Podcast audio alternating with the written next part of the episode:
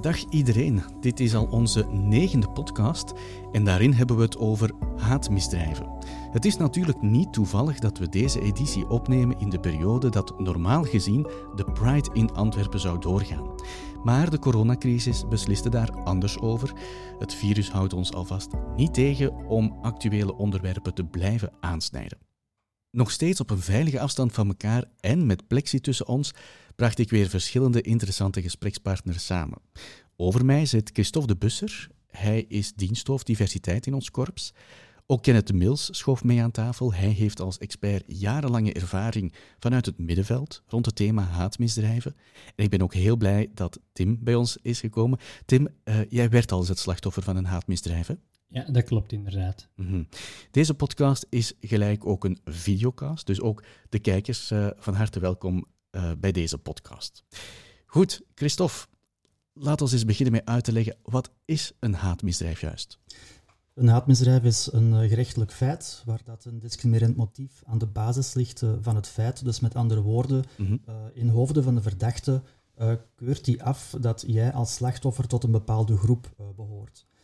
in de Belgische wetgeving is dat heel goed omschreven. We hebben 19 beschermde criteria waaronder bijvoorbeeld huidskleur, uh, seksuele geaardheid, geslacht, uh, maar ook taal of uh, syndicale overtuiging bijvoorbeeld horen daarbij. Dus ja. als een van die 19 kenmerken in aanmerking komt voor het discriminerende motief, dan kunnen we spreken van een haatmisdrijf. In onze politiezone wordt daar wel veel aandacht aan besteed. Waarom is dat zo belangrijk? Waarom geven jullie daar zoveel aandacht aan? Voor ons is het belangrijk dat elke politieman of vrouw op het terrein uh, dit kan herkennen als een haatmisdrijf. Mm -hmm. uh, net omdat dit zo'n zware impact heeft op de slachtoffers uh, van dit soort van misdrijven. Een, een, normaal misdrijf, om het zo maar te noemen, is een misdrijf waar die impact minder groot is. Uh, dit is niet uh, een misdrijf wrong time, wrong place. Dat is echt een misdrijf waar de verdachte jou gaat selecteren op basis van één van die beschermde criteria. Mm -hmm. Dat is een hele zware persoonlijke impact. Ja. Zijn jullie daar al lang mee bezig als korps? We zijn ermee gestart uh, in 2013. Toen is eigenlijk ook de wetgeving in België goed op punt gekomen aan de hand van uh, de Call 13 van 2013. En dat was voor ons eigenlijk de basis om uh, ons diversiteitsbeleid en ons beleid rond haatmisdrijven goed op punt te zetten. Ja. Oké. Um, ja, niet voor alle luisteraars is die term haatmisdrijf natuurlijk iets dat uh, bekend in de oren klinkt. Ik kan mij ook voorstellen dat dat binnen het korps ook niet zo was. Dat niet al die medewerkers exact wisten wat een haatmisdrijf is. Hoe hebben jullie dat dan aangepakt? Ja, dat klopt inderdaad. Dus, uh, onze collega's op het terrein die hebben heel veel soorten van misdrijven dat ze elke dag uh, moeten behandelen. Ze worden ook van, van hot naar her gestuurd en dat is echt een heel drukke job dat ze hebben. Dus voor ons is het belangrijk om in te zetten op een goed diversiteitsbeleid, zodat collega's die gevoeligheid rond diversiteit ontwikkelen. Mm. En dat ze de juiste experts vinden als ze geconfronteerd worden met dit soort van, van misdrijven. Ja, en lukt het ook om daar die aandacht op gevestigd te krijgen en te houden?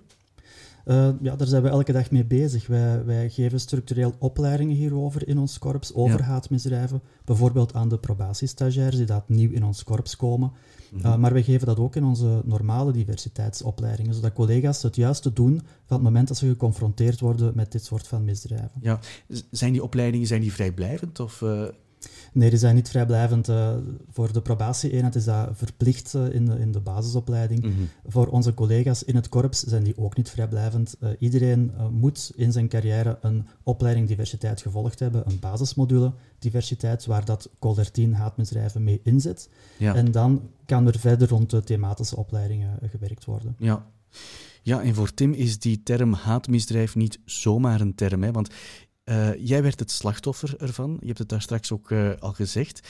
Um, jij bent een artiest die als drag queen optredens geeft. Ja, in dat klopt. 2019 hebben onbekenden jou aangevallen in de buurt van de Lange Koepoortstraat. Ja, inderdaad. Mm -hmm. uh, Wat is daar juist gebeurd?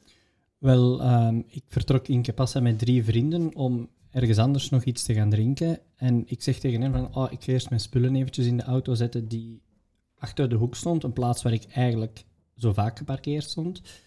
Um, ik ga naar de auto, niks aan de hand. Terwijl ik mijn spullen in de auto zet, is er een groepje van vijf jongeren die mij in eerste instantie voorbij lopen. Um, En na pakweg 50 meter besluiten die eigenlijk van terug te draaien. Die komen naar mij gelopen. Die komen in een ruime cirkel rond mij staan en die beginnen eerst zo wat geld te vragen en rare opmerkingen te maken en te doen. Ehm, ik, heb daar, ik ben daar niet op ingegaan en ik had wel zoiets van, fuck, ik moet hier weg, want ja, het was midden in de nacht, je staat er alleen. En op een bepaald moment ben ik proberen verder te gaan en ik hoorde dat die achter mij kwamen. Eerst gewoon stappen, dan hoorde ik dat die eigenlijk versnelde en dan ben ik eigenlijk in de reflex omgedraaid en blijven staan. Bleven zij ook staan. Terug verder gegaan, dat herhaalde zich eigenlijk. En de derde keer hoorde ik ineens iemand lopen. En voordat ik het wist, lag ik op de grond. En zijn die, ehm, zijn die met vijf eigenlijk op mij beginnen shotten en, en, en slagen. En ja, het enige wat ik had van reflex was, ik ben beginnen brullen gelijk een zot.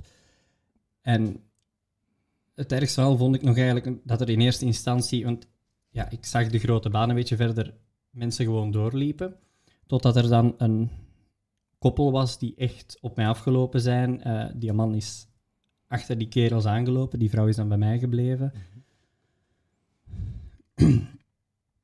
ja, maar die man heeft die, allez, is dan uiteindelijk teruggekomen omdat die mannetjes veel sneller waren. Um, en ik had zoiets van, okay, het is oké, ik ga naar huis. Um, stap in auto, het is goed.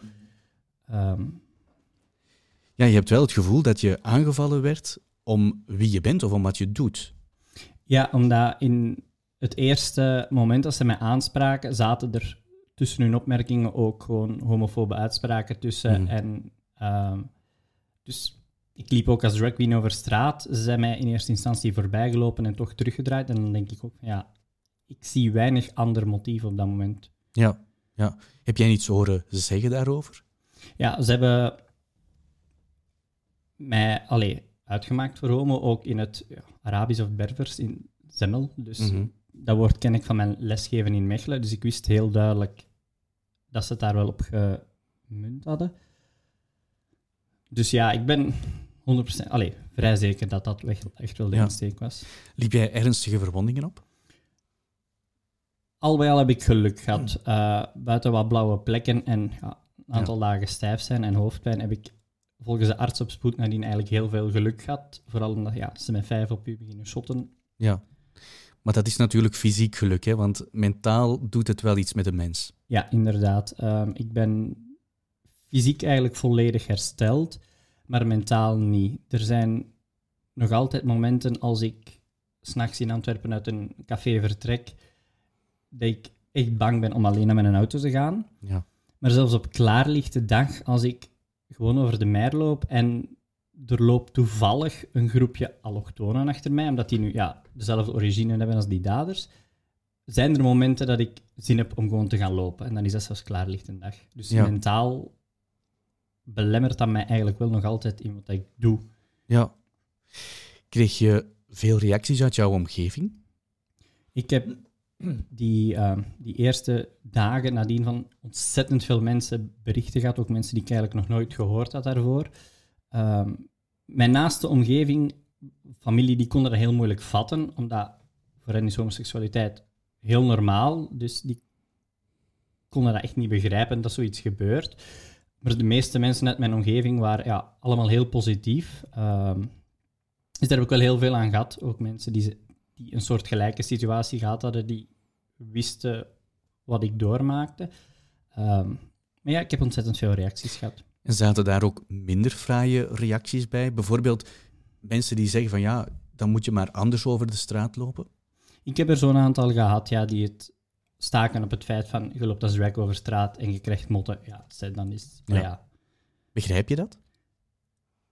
Nee, ik ben van mening, en dat was eigenlijk voor wat dat er met mij gebeurt, dat was ook al zo.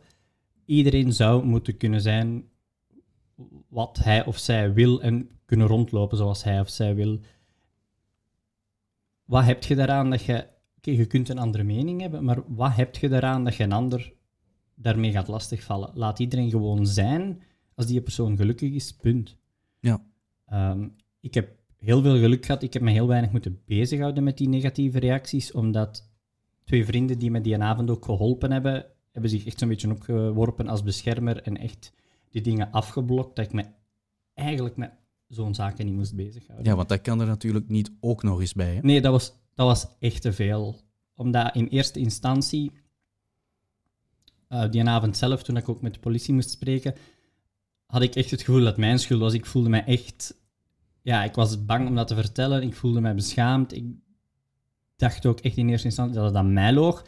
Als je dan zo'n reacties er nog eens bij krijgt, ja, nee, dat helpt echt niet. Ja, jij hebt het verhaal gedaan aan de politie. Heb je dat bewust gedaan of heb je getwijfeld om jouw verhaal te doen aan de politie? In eerste instantie was ik helemaal niet van plan om naar de politie te gaan. Op die moment zelf, um, die mensen die mij geholpen hebben, stonden nog bij mij. Had ik echt zoiets van, het is goed, ik ga gewoon naar huis, ik red mijn bed in en hm. Never mind. En die vrouw zei toen van, nee, zo gaat je niet naar huis. Als je toch naar huis wilt, ga je eerst even met ons mee dat je kunt kalmeren. En dat koppel heeft mij toen echt wel overhaald van, maar misschien is het toch best dat je de politie belt, want je weet nooit. Ja. En ik was echt bang, omdat op die moment was ik bang dat ik veroordeeld ging worden, dat ik iets gedaan had en ik was ook ja, ik was echt beschaamd op die moment. Ja, dat was de reden dat je eigenlijk er niet voor stond te springen om de politie te bellen dan? Dat en het feit dat ik op die moment zoiets had van, ik wil het gewoon zo snel mogelijk vergeten. Ja. ja. Ik wil dat ergens in een hoekje duwen en ehm, daar nooit meer aan proberen denken. Ja. Uiteindelijk is de politie dan wel uh, ter plaatse gekomen, of jij bent naar de politie gegaan. Uh, hoe ben je dan bij de politie geholpen? Dat koppel heeft de politie gebeld, dus die zijn eigenlijk um, tot bij ons gekomen. Um, en die hebben gevraagd van, kijk, uh, wat er gebeurd is. die hebben dat heel goed gedaan. Ik voelde me echt wel op mijn gemak. En allee, ik voelde mij vertrouwd genoeg om het verhaal te doen. Dus die hebben de nodige stappen ondernomen. Die agent heeft ook zelf uh, de ambulance gebeld om toch mij te laten onderzoeken, omdat hij ook merkte van, je zegt op alles nee, maar we moeten toch wel zien dat er alles in orde is. Um, dus ik ben er heel tevreden over. Ook de opvolging nadien uh, bij mij thuis, die hebben dat heel allee, correct gedaan. Ja. En achteraf gezien wel heel blij dat ik het wel gedaan heb. Ja. Um, dat ik het toch gemeld heb, dat ze weten van kijk, het is gebeurd, er is iets gebeurd. En dat ik ook van hen die erkenning kreeg van nee, maar het ligt niet aan jou. Dat heeft wel veel geholpen. Ja. Het is niet oké natuurlijk hè, dat, uh, dat zoiets gebeurt. Bedankt Tim voor jouw uh, moedige getuigenis. Um, ik praat er nog even over door met uh, Christophe van onze dienst Diversiteit. Zijn er veel mensen die, zoals Tim, het slachtoffer worden of werden van een, van een haatmisdrijf?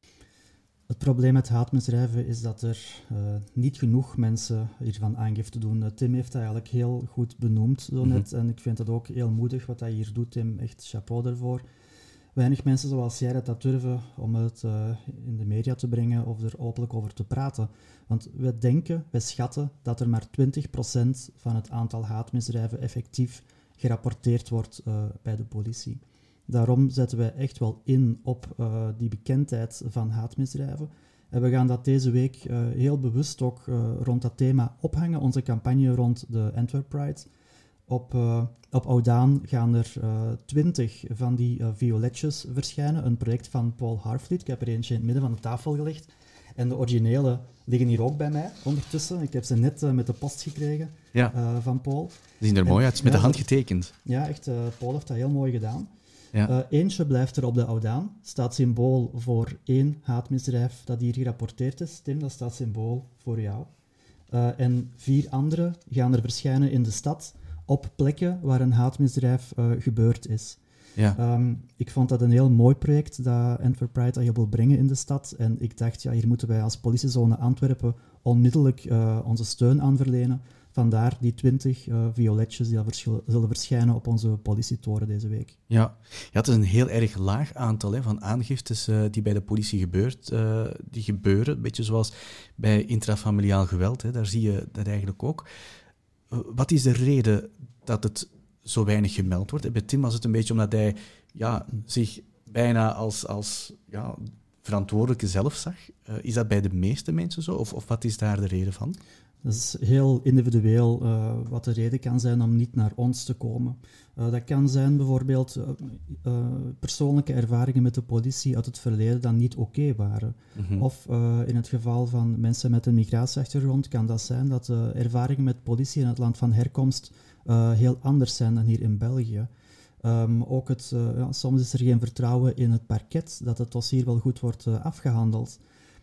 soms zit het slachtoffer met ja, gevoel van schaamte of een uh, zelf, uh, self-blame, waar het slachtoffer zegt van ja, het is misschien toch mijn schuld dat ik hier slachtoffer geworden ben, ter, uh, ben terwijl dat helemaal niet terecht is.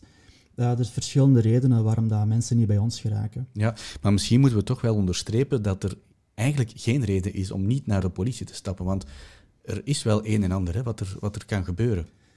Ja, absoluut. We zijn in België, ze hebben ja, heel content met de Call 13 van 2013. Dat geeft ons echt wel een goede wettelijke basis om dit in een PV te verwerken. En daar kan het parket mee aan de slag. Maar ja, dan moeten die feiten wel binnenkomen. Anders kan er niks uh, starten in de richting van het parket. Ja, ja, ze moeten binnenkomen of ze moeten gedetecteerd worden. Hè? Want dat is natuurlijk een beetje de expertise van de politieman of vrouw uh, die die zaken behandelt. Maar daar wordt wel op gewerkt. Absoluut, wij, wij zetten heel hard in op onze zichtbaarheid van het politiezone Antwerpen. Uh, wij bouwen ook onze netwerkcontacten op binnen de gemeenschappen. Als wij signalen krijgen dat er toch onveilige buurten zijn, of het nu gaat over migratieachtergrond of seksuele oriëntatie of gelijk wat, dat we onmiddellijk ons netwerk kunnen aanspreken en gaan polsen wat is hier eigenlijk aan de hand.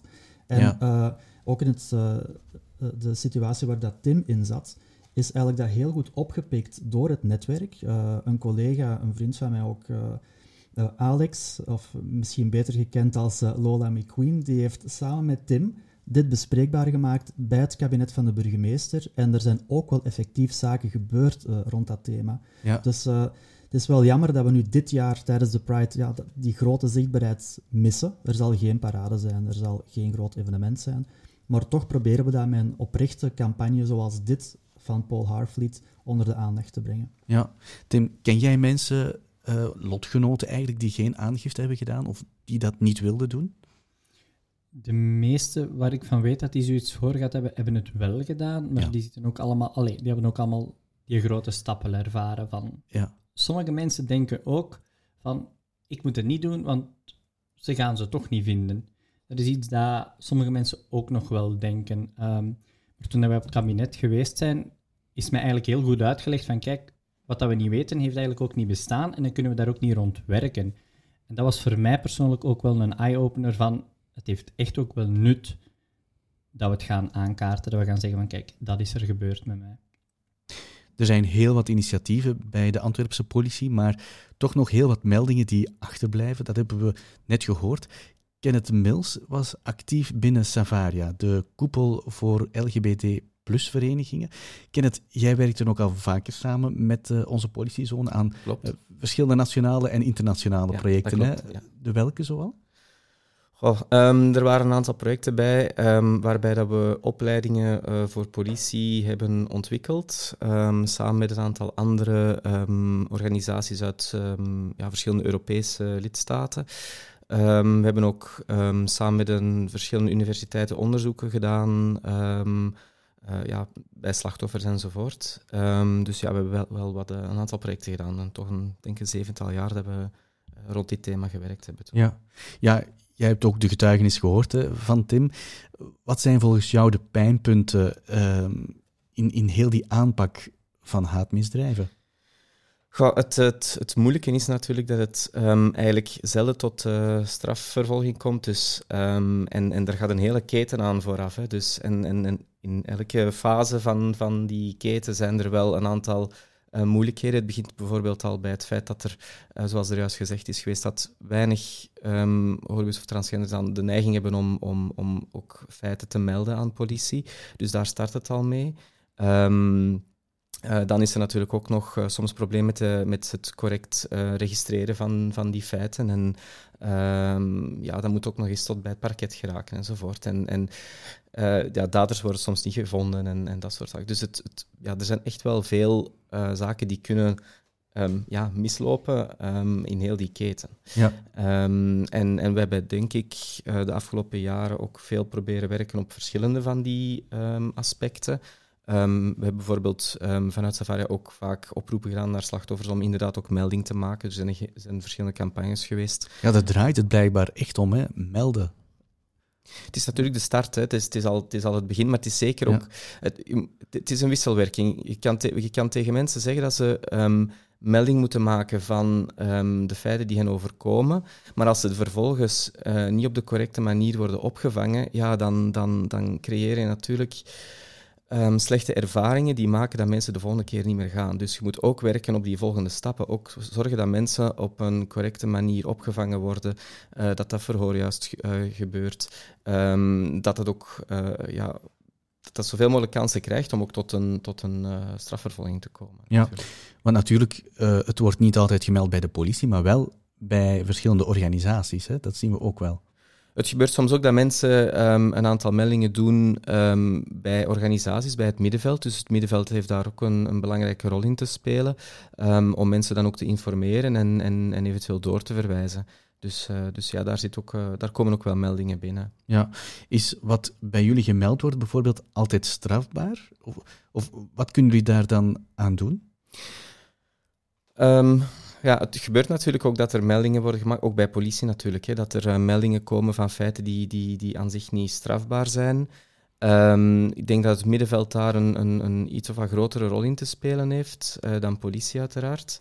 Ehm, maar eh, ik denk ook bij politie als mensen ehm, eh, langskomen en ze, ze vertellen over feiten die, die niet direct, niet direct ja, met strafrecht te maken hebben, ja, dan, dan, dan nog kan er een goede doorverwijzing gebeuren, denk ik, en, en een goede eh, ja, opvang op, dat op die moment.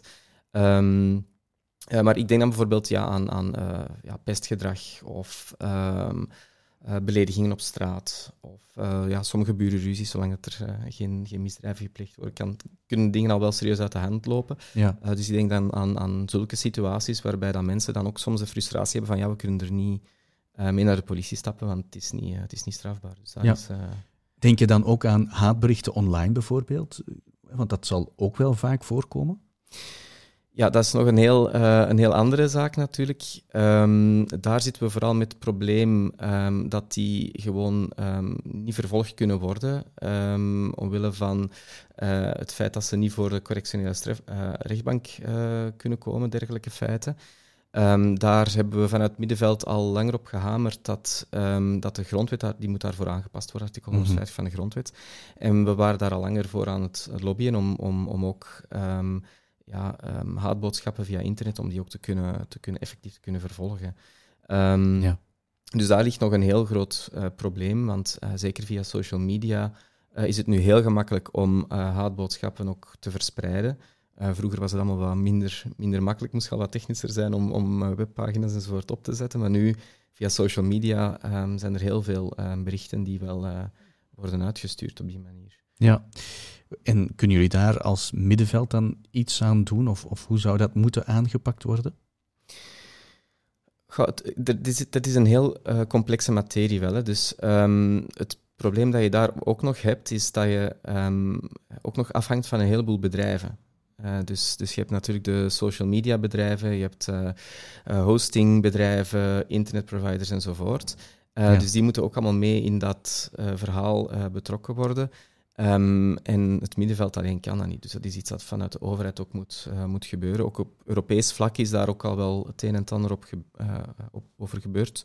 Ehm, dus dus ehm, ik denk dat dat wel de goede richting uitgaat. Maar het blijft complex, omdat die, eh, zeker omdat je met bedrijven zit die, die vaak in andere landen opereren enzovoort.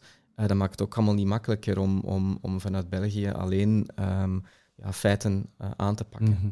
Gebeurt dat vaak, eh, Tim? Haatmisdrijven online? Ik merk toch wel als er zo artikels verschijnen of foto's of filmpjes. Ik heb daar een, een, een punt van gemaakt dat ik niet meer naar de commentaren kijk, omdat je daar gewoon ziek van wordt, wat dat sommige mensen daar durven onderschrijven. Dus ik denk dat dat heel vaak voorkomt. En Mhm. het is eigenlijk ook gewoon makkelijk. Je zit op afstand en je kunt gewoon iets typen, want ja, je zit veilig achter je computer. Dus ja, je mocht geen artikel of een filmpje of weet ik veel wat open doen, of je ziet wel daaronder ergens commentaren staan die er echt niet op trekken. Ja. er is nog uh, heel wat werk. Dat is een feit. Goed, dan uh, zijn we rond. Ik bedank de gasten rond de tafel. Christophe de Busser, Kenneth Mills en uh, Tim, bedankt voor jullie komst naar hier. En ook een dankwoord voor wie opnieuw naar onze podcast luisterde of voor deze editie keek. Blijf onze podcast volgen op iTunes, Spotify of Soundcloud. Blijf ook goede ideeën doorgeven op onze social media. Tot de volgende keer.